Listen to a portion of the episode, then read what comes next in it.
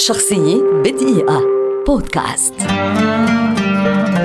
تايجر وودز لاعب جولف أمريكي محترف ولد عام 1975 ويعد من أنجح لاعبي الجولف في العالم وأكثرهم شهرة ومن الرياضيين الأعلى أجرا أيضا وتميل الغالبية العظمى إلى اعتباره أفضل لاعب جولف عرفه التاريخ. بدأ وودز ممارسة رياضة الجولف منذ أن كان طفلا حيث كان يتدرب على يد والده. وفي عمر الثامنة أصبح لاعبا بارعا جدا لدرجة أنه تم عرض مهاراته في اللعبة ضمن البرامج التلفزيونية.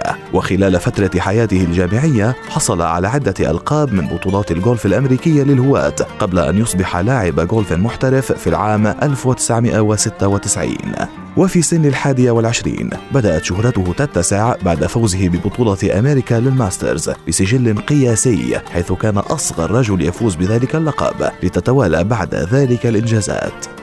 فاز تايجر وودز خلال مسيرته بعدد هائل من بطولات ودوريات الجولف بمختلف أنواعها الكبرى والصغرى، بالإضافة إلى ذلك كان غالبا ما ينال ألقابه بنتائج قياسية لم يتم تحطيم معظمها بعد، وقد صنف عام 2005 كأغنى الرياضيين في العالم بدخل بلغ مقداره 87 مليون دولار. تايجر وودز يحب الكتابة أيضا. فقد كتب عام 2001 كتابا بعنوان كيف ألعب أنا الجولف وكان له في الأعوام ما بين 1997 و 2011 عموده الخاص بمجلة جولف دايجست وهو دون شك أحد أيقونات الرياضة في العالم خاصة حين يتعلق الأمر بالرياضات الفردية.